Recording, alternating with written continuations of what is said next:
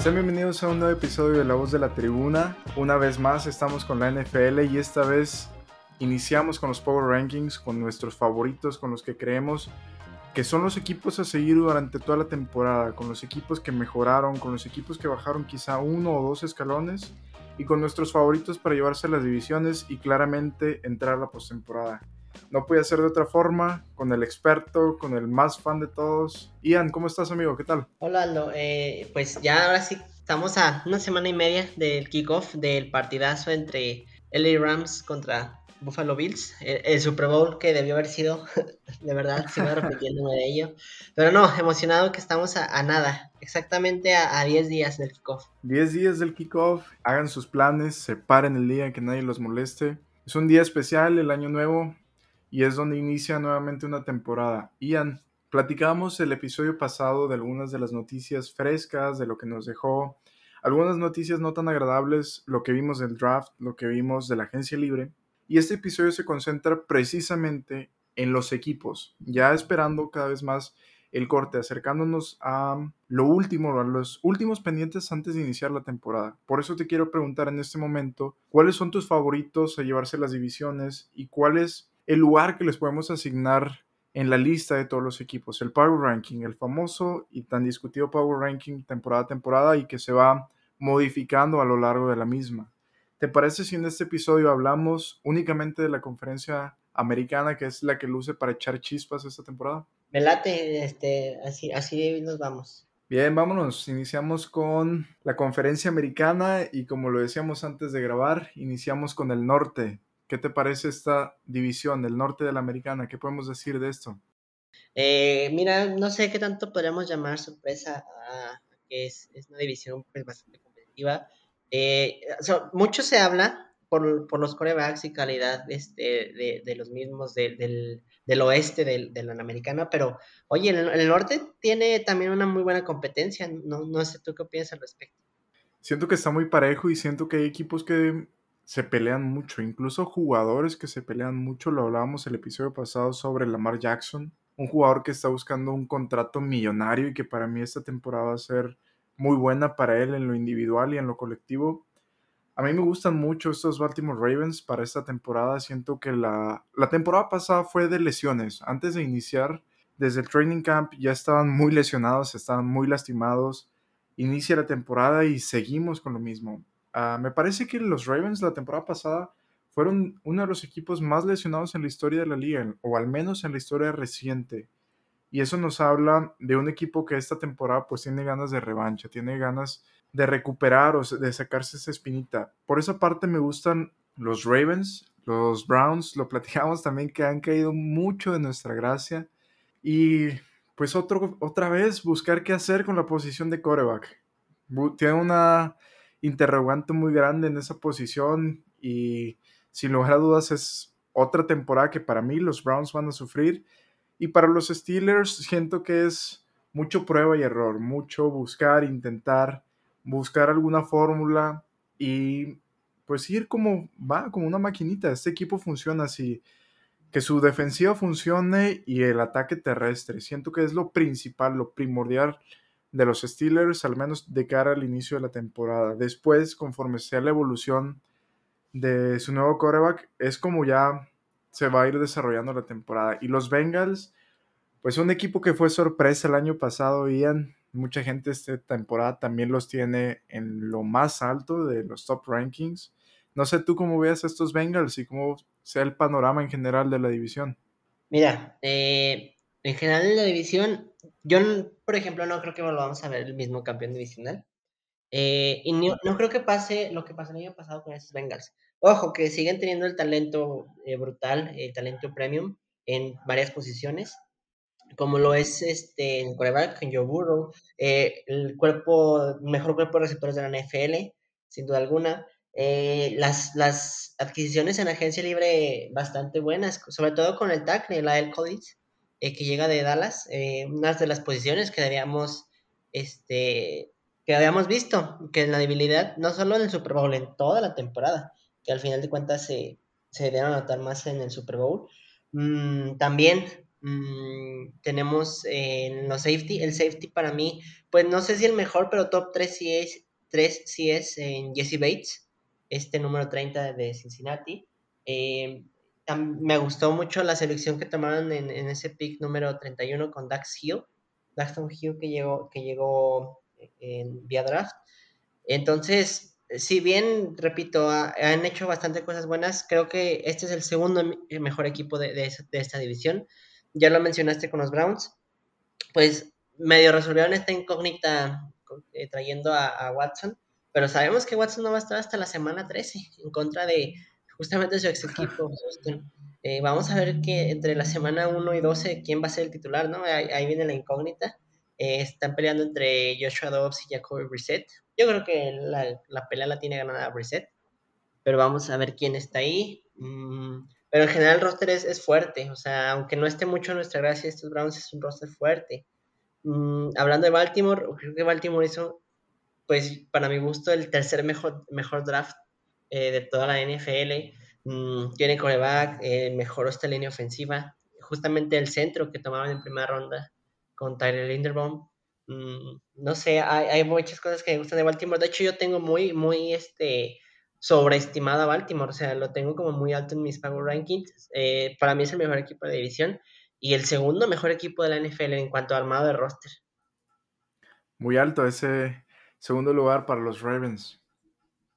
Sí, no, definitivamente. Y hablando precisamente de, de mis Steelers, es para mí gusto es el tercer mejor equipo de esta división, por encima de los Browns. Mm, es un equipo que se va a mantener ahí, ¿sabes? O sea, como le mencionábamos, si es que hay posibilidades de playoffs, va a ser este hasta la última semana, vamos a estar peleando eh, si es que hay un lugar ahí. No veo un récord perdedor en este equipo. Eh, en la pretemporada se han visto bien los quarterbacks, pero repito, en pretemporada quién no se ve bien. O sea, honestamente, hasta Rudolph se ve bien y sabemos que Rudolph no es un buen camino ahí. Eh, pero bueno, estoy, estoy me, me, me intriga mucho el hecho de que Kenny Pickett hasta la semana 3, a la, semana 3 de pretemporada, este, más bien que Trubisky salió a jugar, que regularmente ya en esta semana 3 los titulares ya no salen a jugar. Eh, entonces, me, o sea, de eso me dice que todavía no tienen como bien definido si, si, si Trubisky realmente es el coreback 1. Sabemos de calle que Rudolph va a ser coreback 3. Eso, eso sí se veía desde la temporada. No, o sea, no solo porque no, no lo haya visto, este, solo porque yo quiera más bien, sino porque se ve ahí en los trading, en los training camps y eh, también en, los partidos.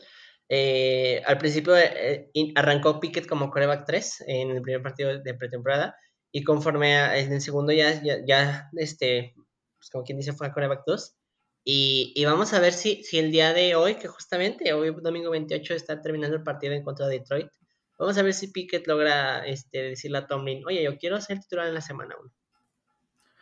Ian, te quiero preguntar sobre la misma división, el norte de la americana.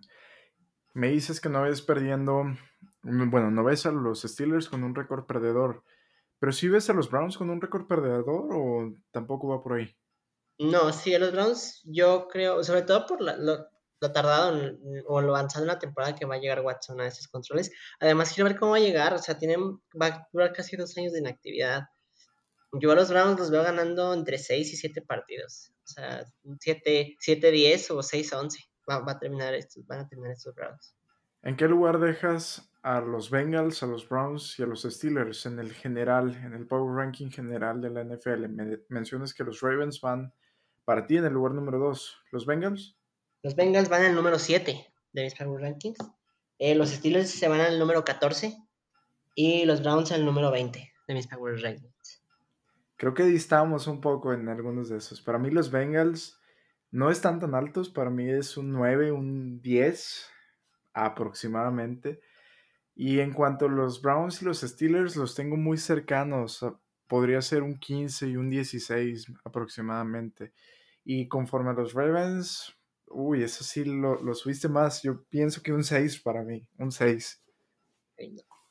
¿Sabes que Me gustó tanto el draft eh, que honestamente de estos Ravens, o sea, tomar a Kyle Hamilton y luego eh, a Tyler Linderbaum fue como que wow. Este, también nunca se habla mucho de, de, este equipo, pero Eric Da Costa, el gerente general, ha hecho un trabajo impresionante. en vía draft. Sí, los Ravens que, sin lugar a dudas, para mí esta temporada van a dar mucho, mucho de qué hablar. Y que bueno, siento que los equipos eh, como los Ravens son muy alegres, son muy ofensivos, son muy agradables de ver. Y que para mí es uno de los equipos que voy a estar sintonizando seguido. Entonces, nos quedamos con los Ravens, ambos ganando el norte de la americana. Va, eh, justamente sí. Muy bien, pues vamos a los Ravens. ¿Qué récord le das a estos Ravens? Los Ravens, yo creo que van a ganar 13 partidos este año. 13-4 van a terminar. Sí, yo los veo con 12 también. 12 aproximadamente. 12. No me he fijado qué tan complicado es su calendario. Déjame decirte por qué, porque justamente fue en el último lugar de su división el año pasado. Entonces su calendario es de cuarto lugar de división. Sí, incluye, claro. Ajá, claro, claro. O sea, van. Sí, y Cincinnati tiene, tiene calendario de campeón divisional, entonces ahí es donde yo digo, wow, o sea, no, va, no la va a tener tan fácil. Sí, iniciamos contra los Jets, entonces Jets, Dolphins, Patriots, los partidos divisionales, Jaguars, Ahí van 3-0, 4-0 con Jaguars, o sea, van a arrancar, vamos a ver este, un equipo de 5-6-0 al principio de la temporada, o sea, a comparación de los otros rosters que mencionas, pues es mucho más fuerte el de Baltimore. Sí, y a Baltimore fue el año pasado por las lesiones. O sea, fue un 49ers del 2019. Recordemos ese equipo. 2020, perdón. Recordemos ese equipo que se le lesionó incluso Nick Bosa. Y, cómo se fue ese equipo cayendo poco a poco. Lo mismo le pasó a los Rivers el año pasado. Primero sus corredores titulares, luego los dos esquineros titulares. O sea, literalmente este, ya el día del partido veían a ver si algún fulano del estacionamiento quería jugar de cornerback, todo el mundo estaba lesionado entonces, sí, sí, sí, sí, este, fue bastante mala suerte. Sí, me gustan los Ravens y también mucho ojo para el Survivor y para todo lo que se viene con, con este equipo y con todo lo de la NFL. Ok, ambos vamos con los Ravens en el norte de la americana. Ravens. Y pasamos al sur. De norte a sur nos vamos con la misma, la americana. ¿Qué piensas de esta división? Los Texans, los Colts, los Jaguars, los Titans. Una división que en los últimos años los Titans han dado mucho de qué hablar y hasta cierto punto también los Texans con Deshaun Watson. Pero para esta temporada, ¿qué te parece? ¿Quién es el más fuerte? ¿Quién es el equipo a seguir de esta división? Mira, para mí el equipo más fuerte aquí es, este, por poquito, ¿eh? ¿eh? son los Indianapolis Colts. Creo que la llegada de Matt Ryan, a ver, Matt Ryan ya no va a, ser, va a volver a ser MVP en esta liga, pero justamente a eso me remito. Eh, no es un coreback que sea elite, pero es un coreback bastante estable. Estuvo 13 años como titular ahí en Atlanta, eh, siendo un coreback. Pues nunca, nunca escuché que Matt Ryan fuera un mal coreback y honestamente creo que no lo es el Super Bowl que perdió, o sea, estuvo a nada de, la gloria. Eh, sabemos la triste historia de ese 28-3 este, de, los, Patriots de los Falcons. Pero ese año los Falcons eran, eran una demoledora, o sea, Matt Ryan ganó un MVP, repito.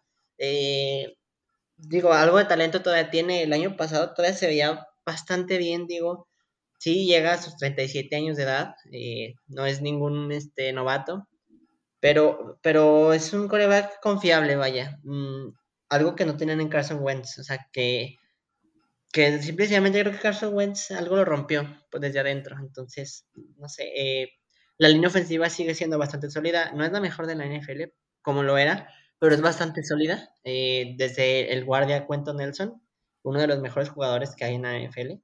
Mm, me gusta mucho con Darius Leonard. Bueno, ahora me gusta que le llaman Shaquille Leonard eh, una defensiva con DeForest Buckner, con, con Kenny Moore como corner, o sea, tiene, tiene talento en posiciones específicas con el mejor jugador que tienen hoy por hoy, que es Jonathan Taylor, eh, que es un, es un corredor que a mí me gusta bastante, pero quiero ver que pueda repetir lo que hizo el año pasado. O sea, lleva, su tercer año en NFL, o sea, bastante joven, pero quiero ver que pueda, pues igual no repetir las hazañas que hacía, pero mantenerse al menos en un nivel pues bastante bueno. O sea, si me da un 85-90% de lo que me dio el año pasado, está pues perfecto. Mm, vamos, a, vamos a ver qué, qué, qué, qué le depara a este equipo, pero del armado de roster creo que es el, es el que más me gusta de esta división. En la temporada pasada los Titans fueron el campeón divisional, 12-5 se fueron, seguidos por los Colts, 9-8. Te quiero preguntar también sobre los Titans, ¿qué tan importante crees que sea la salida de AJ Brown? Justamente por eso los mandé a segundo lugar.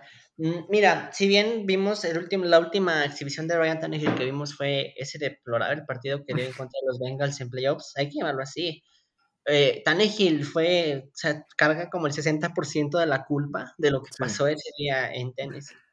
Eh, eh, y luego pierdes a tu mejor hombre este, después de Derrick Henry a la ofensiva.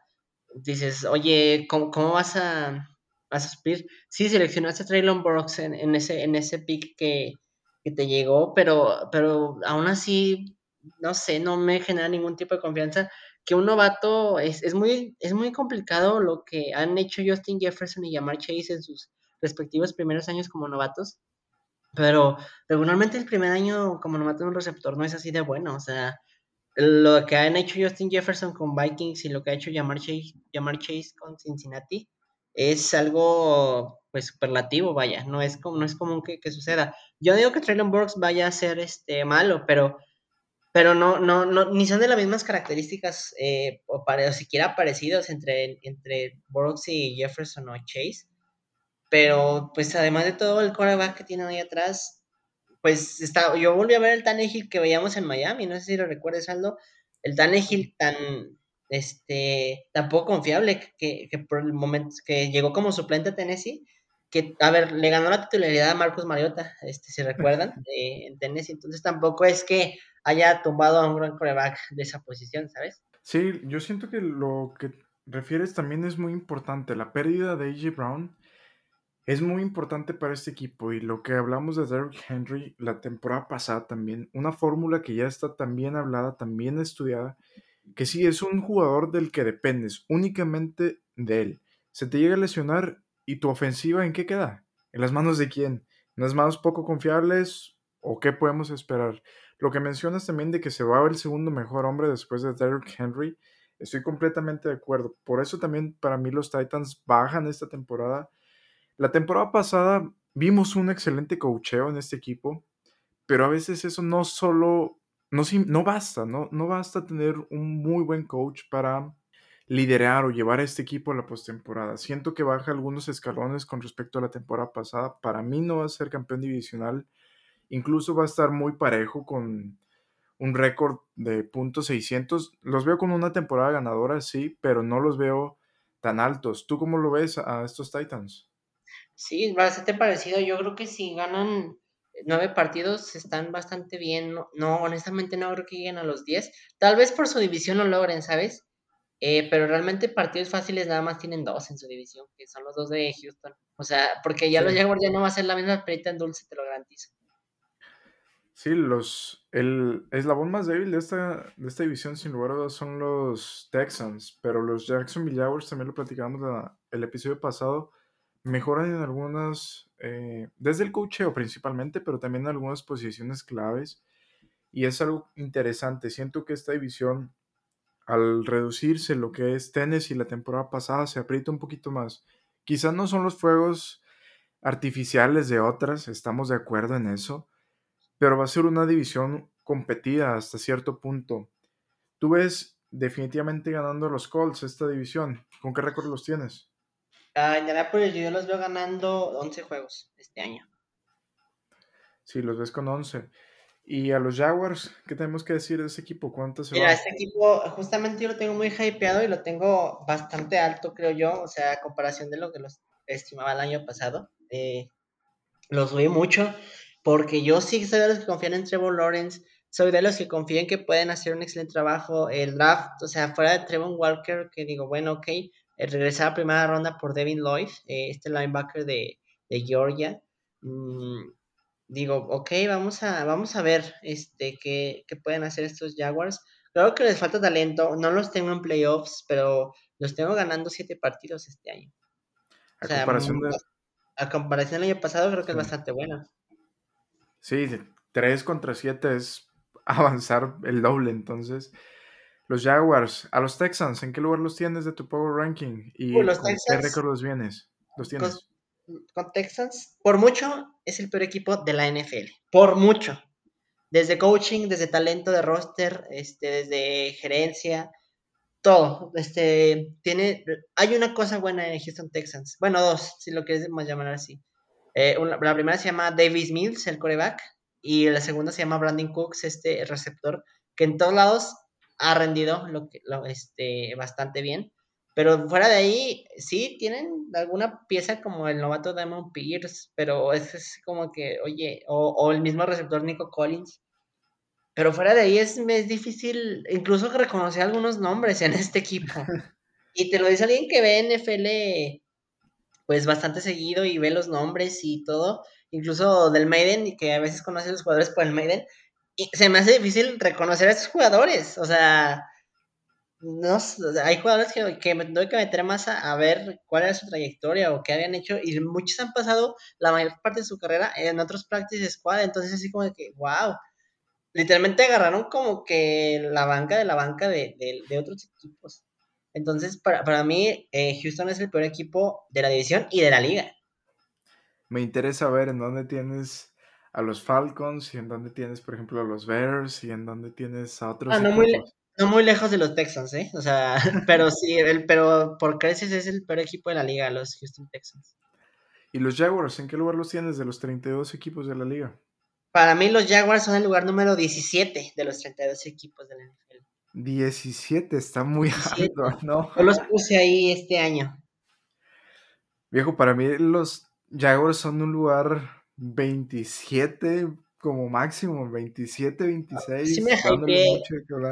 Estoy hypeado con Trevor Lawrence desde que venía de colegial y, y ahora que viene con un coach bastante mejorado a comparación del año pasado. Yo sí quiero ver, yo soy, Jaguars, yo, soy- yo soy un equipo que quiero ver, honestamente. Veamos qué tal, qué tal nos va en esta temporada con, con los Jaguars. Recuerdo muy bien la temporada pasada. Iniciamos con los picks y yo tomé a los Jacksonville Jaguars en aquel primer partido. Me parece que fue contra los, los Texans. Texans. Sí, yo tomé a los Texans. Sí. ese primer partido fue Texans contra Jaguars y yo me fui con los Jacks y ya nunca me pude recuperar de eso, pero bueno. Eh, para mí los Jaguars no son un equipo tan alto a comparación tuya, no son un equipo de media tabla, siento que hay otros equipos con mucho más talento. Para mí, no sé, bueno, los Giants uf, también es un equipo muy complicado de poner en la media tabla, pero yo siento No, que los los Giants sí los Bears... tengo muy abajo. Sí, los Bears, los Giants, perdón, son un equipo que no tengo nada de esperanza en ellos. Como dices, los Texans también son un equipo, pues, un lastre en la liga, un lastre en la división y que no va a dar nada de qué hablar más que dar pena. Pero, por ejemplo, ¿crees que haya un equipo que tenga un peor récord que los Jaguars esta temporada? Peor que la temporada pasada, me refiero. Un 3, que tuvo 3 victorias. yo creo 3-14. que Houston, este, si gana dos partidos, es como para poner una estatua a Lobby Smith. Así, o sea, así de malo veo este roster. O sea, yo sí veo un 0-17, o sea, estadísticamente es extremadamente complicado, lo sé, pero un 0-17 con este roster es, es este, o sea, es, es creíble, o sea, si me lo dices te la creo. ¿Tú recomiendas tomar a los rivales de los Texans entonces en el Survivor? Sí, o sea, mientras, excepto, ex- excepto en, juegos divisionales, pero, pero sí, es que Houston es un equipo que yo no tengo nada de confianza. Nada, o sea, cero, cero, o sea, si ganó un partido, dos, es, es suficiente. Sí, Sí, darse por bien servidos. Pues inician contra los Colts el domingo 11, entonces partido divisional, partidos de los que nos gustan, de los picosos, mucha rivalidad. Veamos qué tal nos va. Ya platicaremos con los picks. Entonces, Ian, coincidimos que en el sur de la americana quedan los Colts campeones, los Titans como segundo lugar, y para ti, los muy hypeados Jaguars en el tercer lugar con el número 17 del Power Ranking. Ok, nos vamos con eso. y te digo, ¿cuál es el número de los Titans? Sí, dímelo. El 16. Solo, solo así te lo digo. En muy, muy Power cercano. Lo, lo estás poniendo prácticamente parejos. Exacto. Sí, sí, sí, o sea, yo los Jaguars los tengo bastante, estoy bastante alto. No sé, seguramente es de esas cosas que, que después voy a escuchar y me voy a reír de mí. Pero si no las digo, ¿yo quién las va a decir? Sí, nadie. Definitivamente los Jaguars no son favoritos para nadie. Y con respecto a los Titans, a mí también me gustan en un lugar 17, 18 del Pro Ranking. Siento que es un lugar justo para ellos. Tampoco eh, demeritándolos demasiado con el talento que tienen en el roster, pero no inflando a los demás. Y por ahí están muy cerca, pues otros equipos, para mí que también están muy hypeados como los Dolphins. Yo pongo los Dolphins en un 15, 14. Creo, creo que te vas a ir para atrás donde yo pongo a, Miami. no, no ya, ya, quiero ver, ya lo quiero ver. ya, ya, lo, ya lo hablaremos, ya lo hablaremos precisamente en la siguiente, por eso te lo digo. En el este de la americana nos pasamos. no, de verdad no, no quiero ni escucharlo, pero bueno, iniciamos con el este de la americana ahí en una división muy competida, muy famosa también, que tiene muchos aficionados con los Patriots y también un sector ya de los más grandes, de los Dolphins, o sea, los fans, que son de los más fieles, tengo que decirlo. ¿Qué te parece esta división con respecto a la temporada pasada y con respecto a lo que nos espera a este año? Eh, mira, la verdad, honestamente creo que es una división muy dispareja porque creo que hay un uno clarísimo y hay tres, este, pues acompañantes de Buffalo. O sea, Buffalo y sus acompañantes, lo diría yo, esta división. Porque yo creo que no hay ni siquiera alguien cercano al talento, al coaching. A, a, lo mejor en coaching sí, por Bill Belichick en New England, pero este, pero fuera de ahí no veo algo como comparable el talento que tiene un equipo y otro. Mira, te lo voy a decir una vez, para mí el mejor equipo de la NFL se llama Buffalo Bills. Lo tengo número uno en el Power Rankings. Coincidimos, coincidimos, definitivamente. Entonces, o sea, para mí esta división tiene nombre y apellido y es, para mí es muy complicado, casi imposible, solo que se lesionen Josh Allen, Stephon Diggs, eh, Ed Oliver, no sé, se le mencione, se le lesione todo el equipo, Micah Hyde, Jordan Poyer a estos Bills. Entonces creeré que no son el mejor equipo, pero, pero no, o sea, no veo a este equipo mm, no, no ganando su división, ¿sabes? Y para mí es el mejor equipo de NFL, por ende también de la, de la conferencia americana. ¿Con qué récord ves estos Bills? Los Bills, eh, yo creo que si ganan sus 14 juegos, o sea, 14, 14-3, estaría viendo a este equipo. Dejando uno ya para el final de la temporada, ¿no? Ese equipo, sí, ese partido que suelen dejar los líderes divisionales y los líderes de conferencia, bueno, los líderes de, el primer sembrado de la conferencia para descansar rumbo a los playoffs. Sí, así es, o sea, 14-3 es el récord que yo veo por aquí en Buffalo. Y de los Patriots, me interesan los Patriots. Me dijiste que los ibas a, destrozar el episodio pasado. Los voy a destrozar, o sea, mira, para empezar, vamos a empezar del lugar en que los tengo. Mi lugar para los Patriots es el número 25 de los 32 equipos. Muy abajo. Eh, hay jugadores que me gustan ahí. Eh, Matthew Judon es uno de ellos, o sea, creo que, y Hunter Henry. De ahí en fuera, me dices un nombre medianamente, no sé, tal vez es el corredor Harris o Ramón de Stevenson, pero los pongo tan altos por el coaching, ¿eh? Si no, incluso se me van abajo de los Giants. Así te lo digo. Este, sí, sí, o sea, los pongo altos porque todavía respeto lo que puede hacer Bill Belichick dentro del terreno del juego, porque fuera de él, como gerente general, ha hecho muy mal trabajo. ¿Quién fue el, el, este, el primer pick de este equipo este año? ¿Quién demonios es Cold Strange? Sí, es un, es un desconocido totalmente. Entonces, o sea, como gerente general, es Bill Belichick ha sido terrible. Como, como coach, excelente. Como gerente general ha sido terrible ah, su trabajo como gerente general. Eh, no sé, el equipo no me genera nada de confianza, la línea ofensiva ha decaído. Mm, ¿Quiénes son los receptores de New England ahorita? Jacoby Myers, eh, eh, Nelson Aguilar, Kendrick Bourne. en alas cerradas, fuera de Hunter Henry, que él sí me parece una ala cerrada, tienen a John Smith, que está literalmente robando dinero en New England. Eh, o sea, en la defensiva tenían a JC Jackson el año pasado, un para mí un excelente cornerback. Lo dejaron ir y solo se quedaron con un excelente linebacker en Matthew, bueno, un linebacker externo en Matthew Judon. tienen piezas pues medianamente interesantes como tackle de Christian Barmore, pero oye, o sea, no, no veo mucho, este, no, veo muchas esperanzas para esos Patriots. Los Patriots que temporada temporada dan mucho de qué hablar. ¿Qué te ha parecido Mac Jones en la pretemporada? ¿Cómo lo has visto? Siento que ha dado más preguntas que respuestas, ¿no? Sí, o sea, es que para mí Mac Jones es este, pues un quarterback pues bastante medianito. Yo, yo creo que el potencial de Mac Jones está en Kirk Cousins, o sea, siendo el máximo, o sea, en su máximo va a ser un Kirk Cousins, que para muchos no está mal, digo, algunos coreback, algunos equipos quisieran tener a Kirk Cousins como su coreback, pero, pero hasta ahí, pues, o sea, para, para mí no fue el, el número 15 del año pasado en el draft. O sea, para mi gusto, para, en, mi, en mi board, no, estaba Mac Jones en número 15, ¿sabes? O sea, creo que incluso era un prospecto de segunda ronda, pero pues Bill Belichick vio otra cosa. La temporada pasada, Ian, los Patriots sorprendieron a propios y extraños hasta cierto punto. 10 victorias. ¿Este año se repite o no se repite? No, ni de cerca. Y a ver, 10 victorias. ¿Y se acuerdan de lo que pasó en playoffs?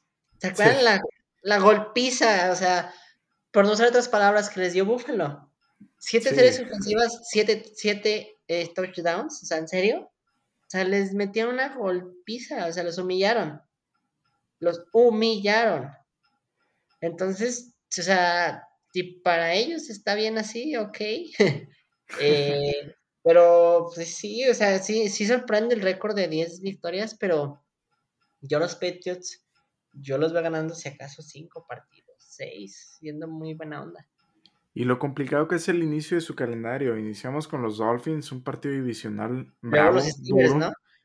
Dolphins, Steelers, Ravens y Packers. Las primeras cuatro semanas. El primer mes de NFL. Sí, 4. Sí, para mí también va eso. Sí, o sea, ya desde ahí no creo que los Patriots vayan a. Y es que es normal, es que es que es lo que es lo que yo digo de los fans de los Patriots. Antes de Tom Brady era un equipo así de, estos de estos Texans, o sea, del calibre de esos Texans hasta que llegó Tom Brady, empezaron a ganar y obviamente se acostumbraron a ganar, pero pues es normal que esto pase, o sea, duraron 16 años, 17, 18 años en la punta, en la punta de, de la NFL. Entonces, es normal que esto les pase. Y, para muchos podríamos decir que, nos agrada por ver tanto tiempo eh, a un mismo equipo arriba. Pero pues es, parte de esta fanaticada tóxica de, New England que, piensa que todavía tiene un equipo para contender. La verdad es que Mac Jones no va a ser su coreback futuro. Y se, los dije desde que lo draftearon y se los repito cada. Se los va a repetir cada que pueda. Sí, lo platicábamos desde la temporada pasada con el draft, con todas las impresiones que nos había dejado. Recuerdo muy bien eh, eso que decías de, de Mac Jones. Y pasamos a los Dolphins, Ian. Temporada pasada, 9-8. Esta temporada quiero saber cómo los tienes, cuántos partidos lo tienes. Y no me digas, por favor, que entre en un top 8 de tu Power Ranking en la NFL. No, no, no, todo lo contrario, Aldo. Este, ah, ok, ok. Sí, son el segundo mejor equipo de la división. Pero nada más, mira, te, voy a decir cuáles son los lugares de esta división en los que yo los tengo y ya tú me dices cuál es el de Miami. Mira, este, tengo el número 1, tengo el número 21, tengo el número 24, tengo el número 25. ¿Cuál crees que es el de Miami? 21. Efectivamente. o sea, todo lo contrario. O sea, yo creo que Miami es el, el vigésimo primer equipo mejor de la NFL. Eh, Mira, yo no sé quién es Mike, yo, no, yo, estoy, yo estoy casi seguro que Mike McDaniel no estaba listo para tomar el puesto de coach. O sea, el hecho de haber corrido a Brian Flores les va, les va, les va a costar caro. Y aparte, Tua, este, Tua es un coreback que a mí me gusta, sí, o sea, y te lo repito, o sea, no me deja de gustar, pero no tiene fuerza en el brazo. O sea, es preciso cuando estás lanzando dentro de las 20 yardas, pero fuera de ahí, no tiene brazo, o sea, no tiene fuerza en ese, en ese brazo izquierdo. Mmm, Tarek Hill se puede comprar un poco eso, pero a ver, sí tiene, tiene talento el equipo, o sea, tienen a Chevin Howard, el, el corner, eh, esta edición de Tarek Hill, llegó, llegó talento como corredores en, en Chase Edmonds, pero no, no en Raheem Monster. pero, pero no es un equipo que yo le tenga eh, como la, la confianza. Eh, yo, yo, yo, o sea, sí me intriga ver a Mike McDaniel cómo, cómo establece su juego, pero yo creo que, que el genio en la, en la ofensiva de, de, San Francisco, te lo dije el año pasado, era, es Cal Shanahan. Mm, McDaniel es como que vivía debajo de, pues, del ala de, de Shanahan, pero no, no, no sé, hay cosas de Miami que no me gustan nada. La pregunta obligada, Ian. ¿Los Dolphins postemporada sí o no? Mm, o sea, ya desde que te digo el Power Ranking, pues no. O sea, no. no. ¿Y, y sabes cuál es? ¿Sabes qué es lo malo? Que su equipo, o sea, lo armaron y gastaron picks para eso. Pero lo invirtieron mal. Entonces, y yo creo que a Tua le va a costar el puesto de titular, desafortunadamente.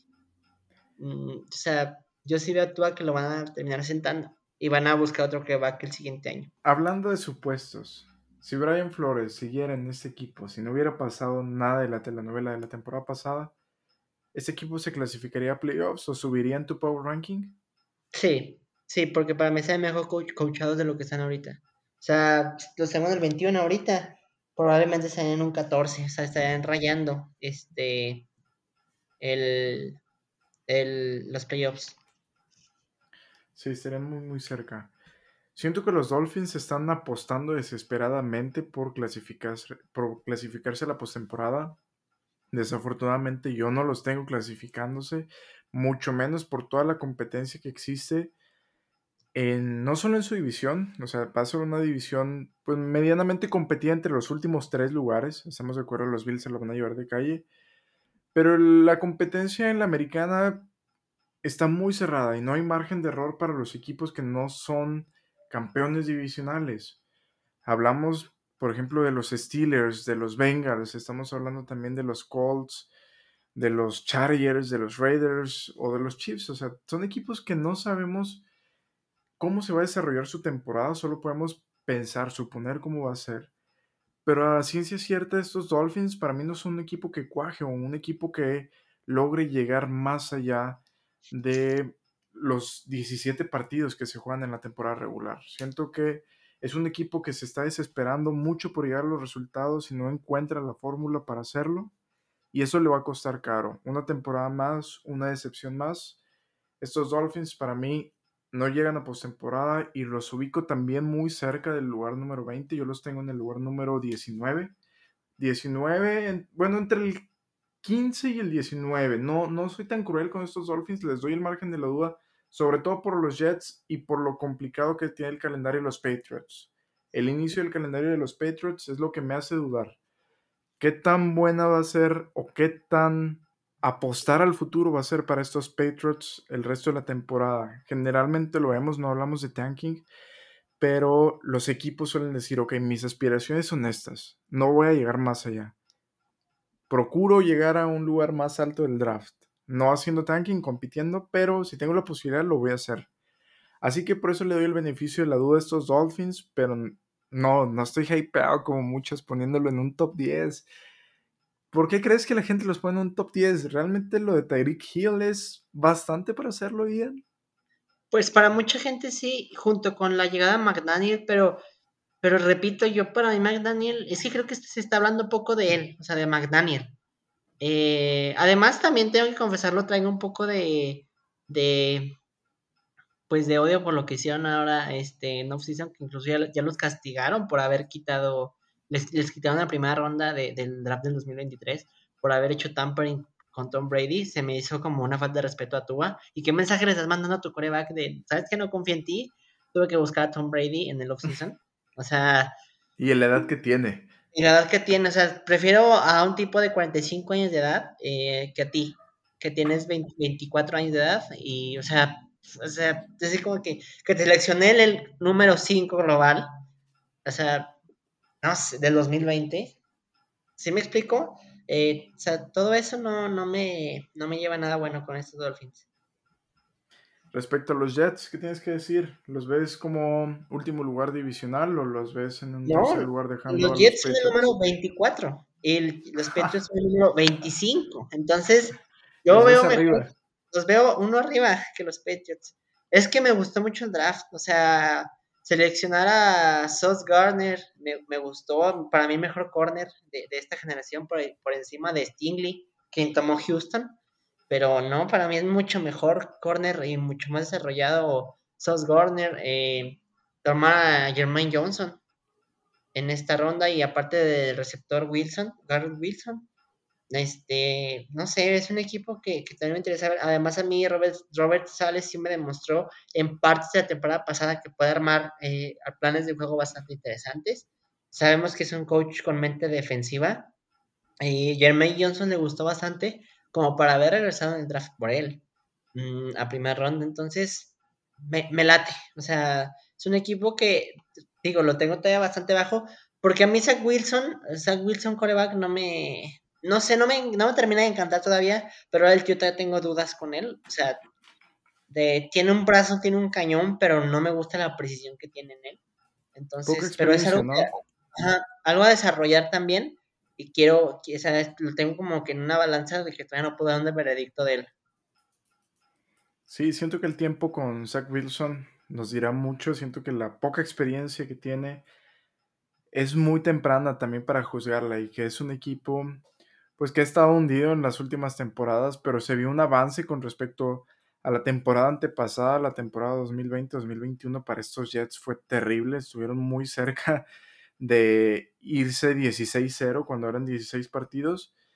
Y la temporada pasada sí se ve pues una mejora, quizá no es tan significativa en cuanto a las victorias, son dos victorias más, pero sí se ve en cuanto al desempeño, en cuanto a las ganas, la actitud, y el armado de roster para estos Jets.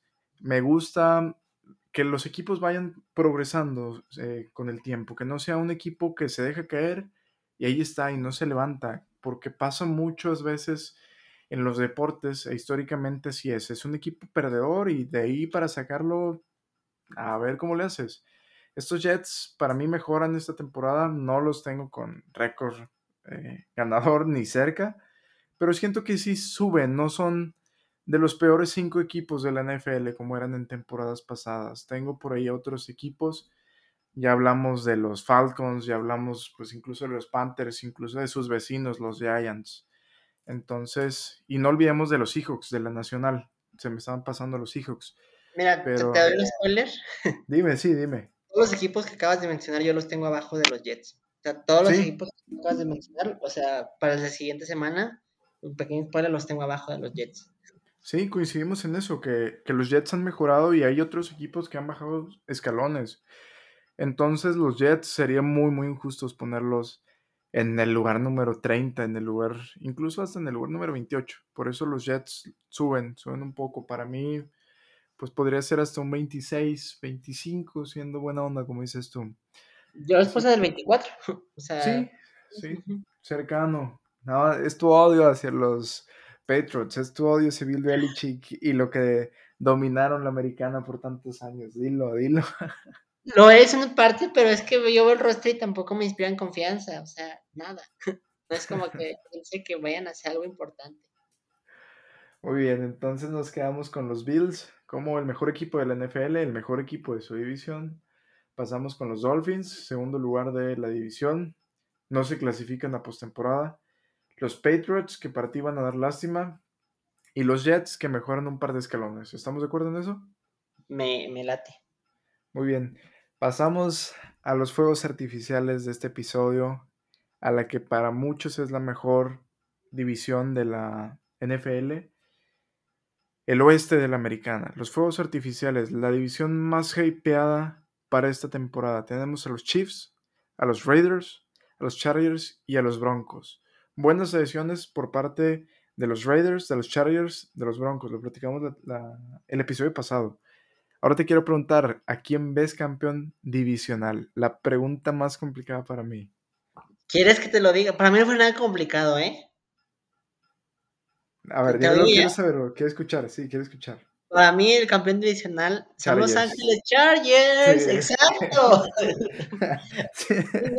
yo estoy en ese barco desde, desde que nací. No, no es cierto, pero sí, este, los Chargers son un equipo que me gusta mucho. Este, en mi Power Ranking lo tengo en el número 8, a estos Chargers.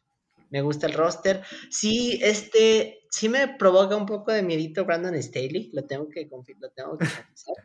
Pero, pero, pero aún así creo que ay, este, es como antitontos este equipo, ¿no? O sea, no puedes, no puedes no clasificar a playoffs con este equipo, o sea, no puedes.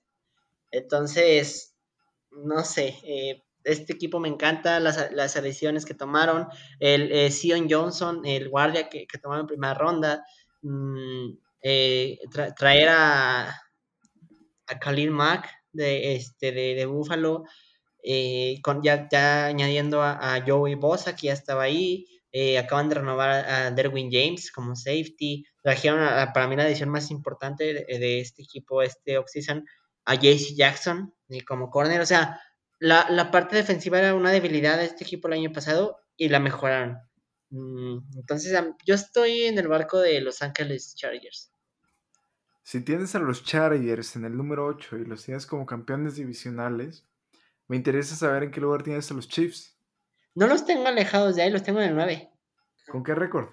Mira, los Chargers, yo creo que los dos encuentros sí los ganan, entre 12 y 13 encuentros, aparejón con, con Baltimore. Eh, y los Kansas City Chiefs, probablemente un 10, 10 juegos.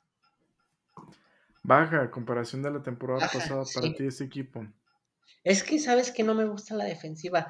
A ver, ojo, los dos primeros picks me gustaron bastante de Kansas City. O sea, tampoco les estoy odiando. Pero no es lo mismo este equipo. Y no los bajo por Tarek Hill, ¿eh? O sea, ustedes saben que a mí, para, para mí Tarek Hill es un buen receptor, pero hasta ahí, o sea, nada, nada lo otro mundo. Eh, los bajo porque también perdieron piezas, este, o más bien como que, por ejemplo, el mejor corner que tenían, lo dejaron ir en Cheverius Ward eh, para eh, y contra Matthew fuera. ¿Sabes qué? A mí también Matthew no se me hacía los mejores safeties, pero era un jugador que te hacía jugar a, los demás. O sea, era un líder. Y haberlo perdido, ya firmó con los Saints, no sé, mm, también me, me provoca algo de desconfianza. Pero a ver, los dos primeros picks con Trent McDuffie, que yo, yo, yo quería Trent McDuffie en los Steelers, eh, en cornerback, y, y, a George Karlaftis. Eh, principalmente esos dos jugadores, de hecho Karlaftis se ha visto muy bien en pretemporada. Van a ver que va a ser un buen jugador, o sea, van por buen camino, no los veo fuera de playoffs, o sea, tampoco es que ya digan los chips van a, van a apestar. Eh, van además tienen coreback, o sea que ya teniendo coreback, tienes casi todo lo demás hecho, o sea, la verdad. Entonces, o sea, tampoco es que Kansas vaya a ser una basura, una mugre. Oye, a mí me sorprende que mucha gente tiene a los Chiefs en segundo lugar. No, no encuentro lógica en eso, si te soy sincero. Los Chiefs, segundo lugar, esta temporada con las bajas que tuvieron, no me convence, no me convence para nada. Y la temporada pasada, 12 victorias para este equipo, 5 derrotas. Ahora, ¿qué récord lo ves? Yo creo que tampoco es que bajen tanto, o sea, 10 victorias, 7 derrotas tal vez, o 11 victorias, 6 derrotas, o sea, yo creo que menos de 10 no van a ganar, o sea, también. O sea, sí, somos realistas. Ajá, sí, exacto. O sea, tienen a Andy Reid, un head coach tan experimentado como él, y, un quarterback elite, porque Patrick Mahomes es un quarterback elite, eh, o sea, van, van, a estar ahí compitiendo, o sea, se los garantizo. Sí, me gusta esto de los Chiefs, para mí fue una pregunta muy complicada. Para mí el duelo está entre los Chiefs y los Chargers. No, no hay manera en que los Raiders se cuelen en la pelea del campeón divisional, al menos para mí en, en, esta temporada. Y los Broncos, habrá que ver cómo se desarrollan con la incorporación de Russell Wilson, pero tampoco estoy muy hypeado como mucha gente que, que vea a estos Broncos como campeones del Super Bowl, como lo fueron con Peyton Manning, que tampoco es que él los llevara a eso, lo, cargó la defensiva en esa temporada. Estoy de acuerdo que sí mejoran bastante los Broncos en comparación de la temporada pasada, un récord 7-10, quizá dos partidos, si te soy sincero, pero también tiene que ver por el, el calendario que tienen. Fuera de eso, la pelea está entre Chiefs y Chargers, muy complicada yo los tengo también muy parejos entre el 7 y el 8. Siento que hay al menos 6 equipos mejores que estos dos. Y si te soy sincero, no me animo a decir un ganador de, de esta división. Solo para llevarte la contra me voy a ir con los jefes de Kansas City. Es la única, es la única con la que te llevo la contra. No, y, y, agregar algo a los Broncos, este. No, yo, yo más que Russell Wilson, porque creo que Russell Wilson es garantía. Para mí, la duda está en el coaching. Yo no sé qué tanto este Nathan Hackett capacitado a él. O sea, es que he visto cómo, así como se han equivocado de, de coreback Denver desde la salida de Manning, se han equivocado de head coach desde la salida de Kubiak. Igualito, o sea, es exactamente igual. Ok, ya resolvieron lo del coreback, ahora quiero ver si sí le atinaron al head coach. O sea, porque yo no estoy tan seguro que Nathaniel Hackett, este, estoy mucho, o sea, si me preguntas a quién prefiero para ver, prefiero ver a Hackett que a McDaniels, por ejemplo, pero, o a McCarthy, por ejemplo, eh, o a Lobby Smith, pero, pero aún así no sé qué tenga Hackett ahí. Sí, hay mucho de qué hablar también con estos Broncos, un equipo que se está esforzando temporada a temporada por llegar, por volver a esa época de gloria, bueno, por volver a la gloria que tuvieron con Peyton Manning. Y es un equipo que está apostando pues bastante fuerte. La temporada pasada, 7 de, de 16 partidos. La temporada antepasada, 5. Entonces ya es una mejora. Como lo dices, aciertan, un muy buena, una muy buena agencia libre para estos Broncos con respecto al coreback.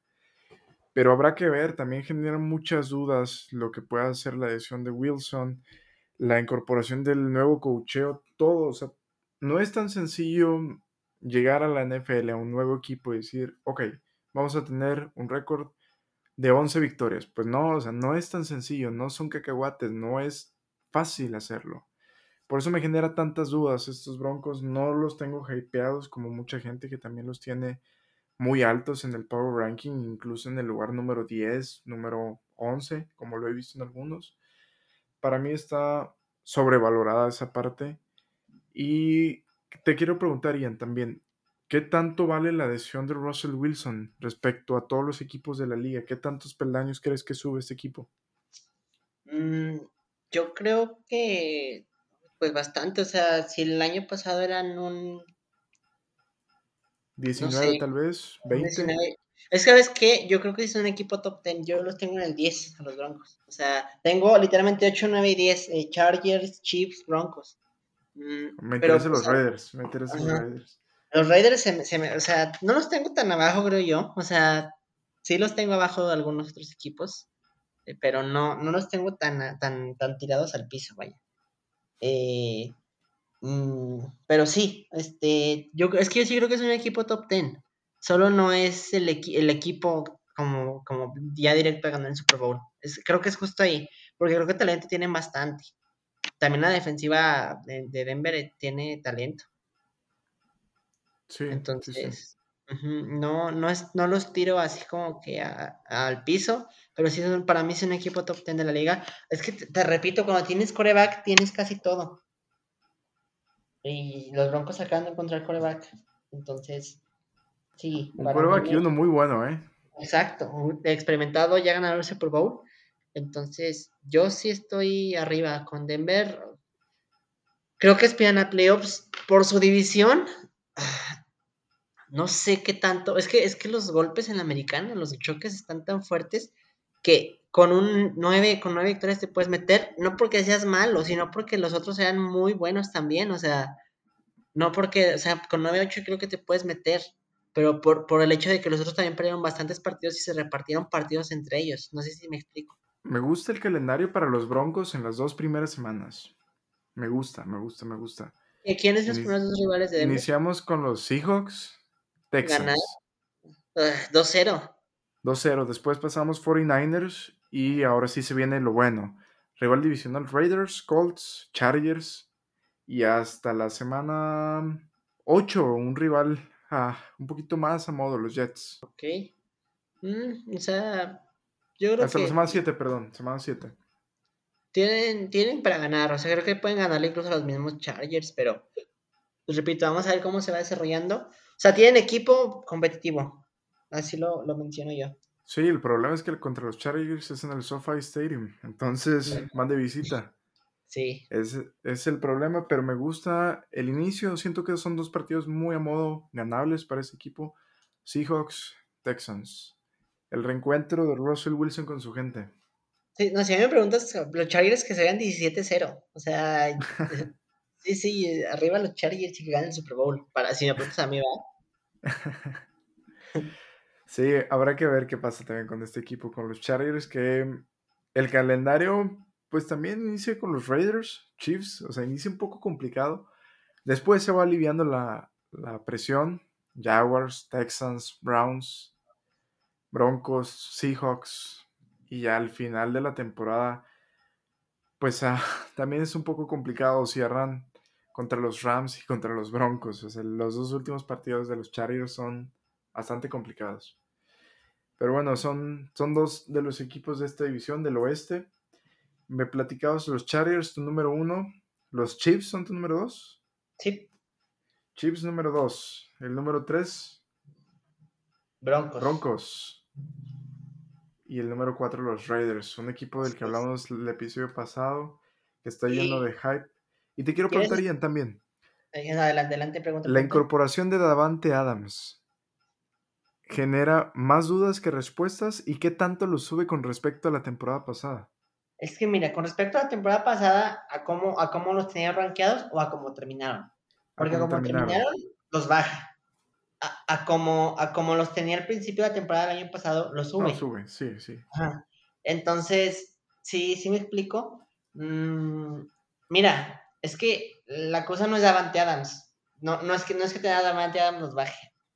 Lo que los hace bajar es el cocheo. Yo, o sea, George McDaniel es de esos coaches que están en lista negra junto con los McCarthy's, junto a los Mayers, junto a, junto a ese tipo de head coaches que, que digo, este, ¿qué, haces aquí? sí, o sea, honestamente, con, los Patricias, con los George, ¿sí?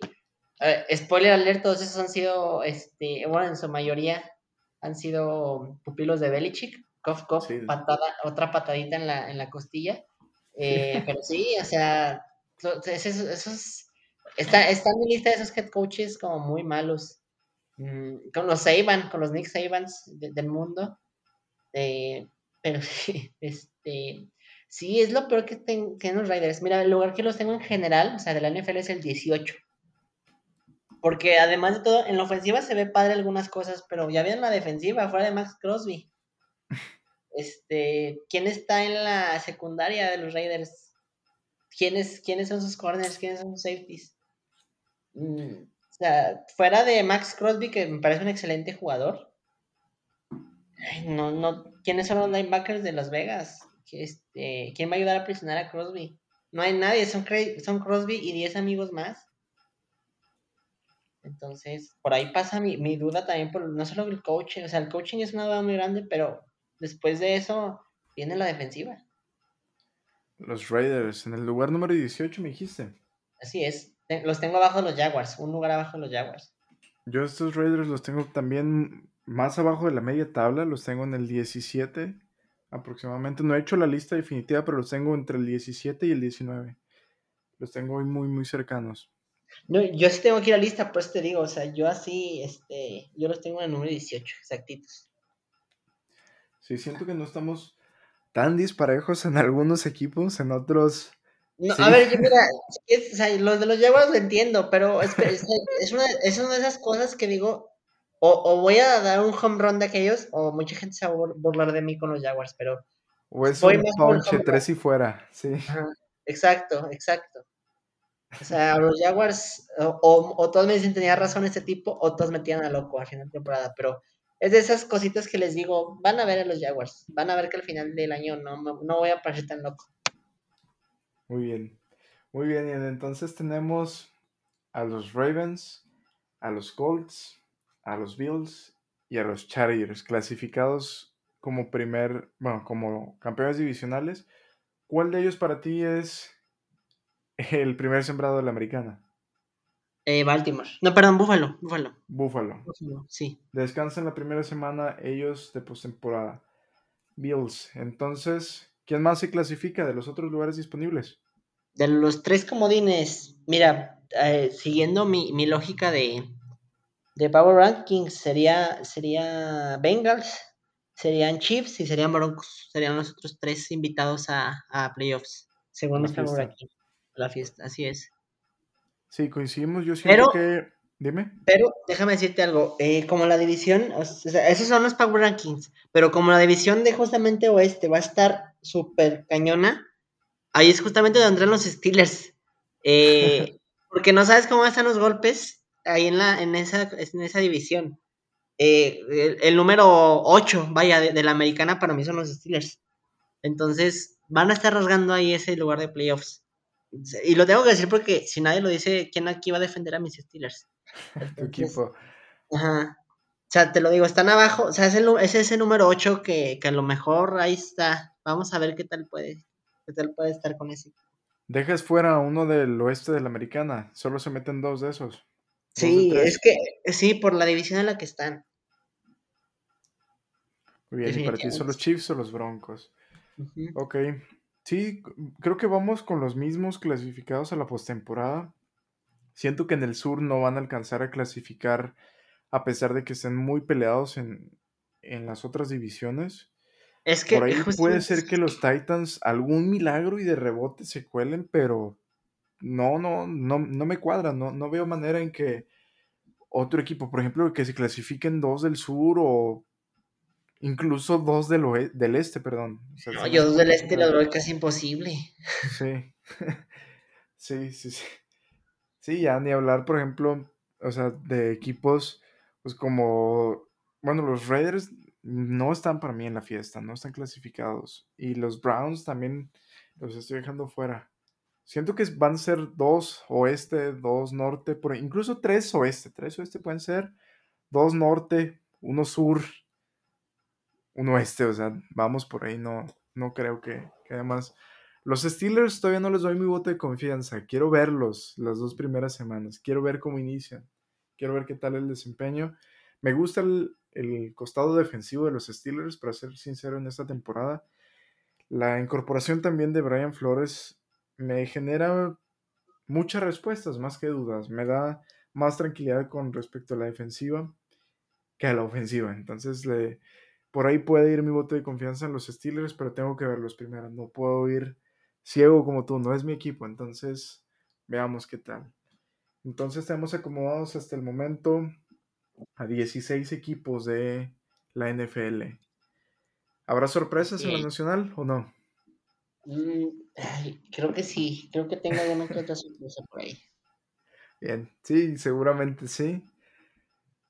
Me interesa saber después en qué lugar tienes a los Rams y en qué lugar tienes a los Buccaneers con el regreso de Tom Brady. Creo que te vas a sorprender con los 49ers, ¿eh? sí, oye, yo los tengo arriba. Yo los 49ers esta temporada los yo tengo también, o sea, los tengo muy arriba. Sí, sí. mi, Power Ranking, muy arriba. Spoiler, están dentro de mi, de mi top 10. sí, para mí también está cerca del top 5, o sea, está muy parejo ah, a, pesar, a ver, vamos a spoilear, si los tienes dentro del top 5, yo los tengo, o sea, en el 6. Sí, sí, para mí es el lugar número 5. Para mí es el lugar número 5, los 49ers. Están dentro de ese lugar. Sí, exacto, para mí es el 6. O sea, sí, a mí, a mí San Francisco me, me gusta, entonces fans de los 49 también van a recibir amor el siguiente, el siguiente capítulo. El siguiente episodio. Tengo muchas cosas buenas que decir de ustedes. Sí, incluso toda la controversia que hubo con Jimmy G, que aunque se iba y lo platicamos, no juega un partido más con este uniforme. Y a final de cuentas parece que sí lo va a hacer. Y me gusta cómo va, va a ser esta temporada para los 49ers. Es un equipo que para mí va a sorprender y que tiene mucho, mucho, mucho de qué hablar. Pero bueno, ya lo platicaremos en el siguiente episodio, Ian. Por el momento creo que es todo. ¿Tenemos algo pendiente de la americana? ¿Algo que decir? Eh, pues no, no pendiente per se, no, este, específicamente la americana, solo pues lo de Aaron Donald, ¿no? En, en esta práctica. Eh, sí, oye, qué, qué bárbaro. Sí, pero a ver, ¿te imaginas un cascazo de Aaron Donald así? Oye, ¿cómo no lo mató? O sea, es una bestia de, de más de 100 kilogramos, 1,97 creo que el tipo. Mm, no sé, que te haga eso Donald es como para que... O sea, me lo hace a mí, me mata seguramente. no tengo la menor duda. Pero sí, yo creo... Mira, es un jugador que sí está como que muy arriba. de hecho, siendo jugador para mí es un top, top 2 probablemente de la NFL No sé si el mejor, a lo mejor sí, probablemente sí es el mejor jugador de la NFL para mí. Necesitaría recapitularlo muy bien, pero top 2 seguramente estaría ahí. Y, pero yo creo que sí merece un castigo. Si a Miles Garrett dieron 6, deben de darle a Aaron Donald algo parecido o superior. No lo van a hacer, de una vez lo digo. Yo creo que si acaso va, van a hacer tres partidos de suspensión y alguna multa, pero deberían darle al menos 6. O sea, si, si hablamos como correctamente, deberían ser al menos 6 partidos. Pero bueno, no sé, no sé tú qué piensas al respecto. Vi el video y, o sea, la nota, vi todo y dices, no, o sea, no, no, no, no es posible. O sea, un jugador de la NFL, y no solo un jugador de la NFL, el calibre de jugador que es Aaron Donald, ¿estamos de acuerdo? Como tú dices, es un jugador elite, es de los mejor pagados, es de los que más fans tiene, de los mejores en la liga y en su posición. No puedes perder la cabeza de esa manera. Estás en pretemporada. Y para mí también debe ser un castigo ejemplar. Mucha gente decía que no vuelva a pisar un campo de fútbol americano.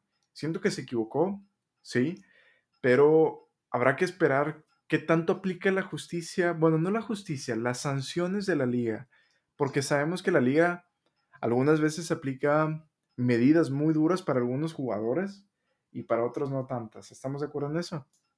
Calvin Ridley, un año completito por apostar. Sí, o sea, y a él mismo, a él mismo, no a otro, a favor de él mismo. Entonces, la NFL a veces tiene sanciones muy duras y otras muy suavecitas. Habrá que ver cómo se comportan con Aaron Donald y qué tanta presión tiene él con la liga, porque es, pues lo sabemos, uno de los jugadores más importantes. Otra cosa a destacar, Ian, noticias o algo pendiente por ahí. Nos escuchamos en el Power Ranking de la Nacional. Creo que por esa semana quedamos bien. Este, me gusta cómo quedó.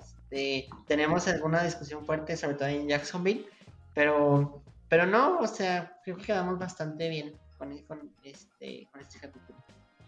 Sí, un, Power Ranking que siempre es interesante armar antes de la temporada y cómo se va desarrollando durante la misma. Siento que es de mucha emoción y es parte de, del hype y de las ganas de ya querer ver fútbol americano, de que ya querer que inicie todo. Estamos muy cerca de la fiesta, estamos a 10 días, nada más y nada menos que del kickoff. Así que pues a esperar y a escucharnos en el próximo episodio y en la semana 1. El siguiente episodio es el Power Ranking de la Nacional para después iniciar con lo más esperado, con la semana 1, con los picks, con el Survivor, con nuestras recomendaciones para el Fantasy, con todo eso. Así que vámonos, Ian. Recuerda nuestras redes sociales. Claro, en Instagram me encuentras como Trejo Ian, en Facebook como Ian Trejo y en Twitter como Ian Trejo 4. A mí me encuentran en todos lados como arroba 13 sin más. Ian, gracias una vez más. Nos escuchamos en el próximo episodio en el Power Ranking de la Nacional. Y gracias a todos los que nos hacen parte de su día, que nos escuchan episodio tras episodio. Nos vemos en la cancha. ¡Anu!